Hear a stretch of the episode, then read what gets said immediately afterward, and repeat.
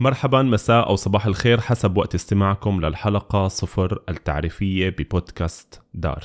معكم أسامة شاهين من مجلة دار وهي مجلة ثنائية اللغة بدأت قبل عامين في عام 2020 دار تتحدث وتكتب اللغتين العربية والنرويجية وهي متواجدة كمان بشكل رقمي digital على دار جورنال dot NO.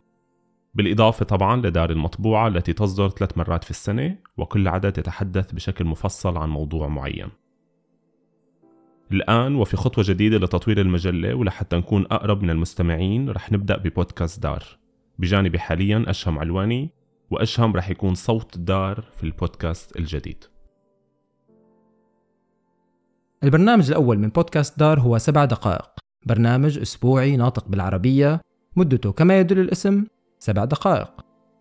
تأتي الحلقة بنهاية الأسبوع بأيام الأحد والهدف من البرنامج الحديث بشكل مختصر عن المستجدات الحاصلة خلال الأسبوع الأخير في النرويج. وبذلك يتمكن الناطقون بالعربية من البقاء على تواصل مع المحيط النرويجي حولهم.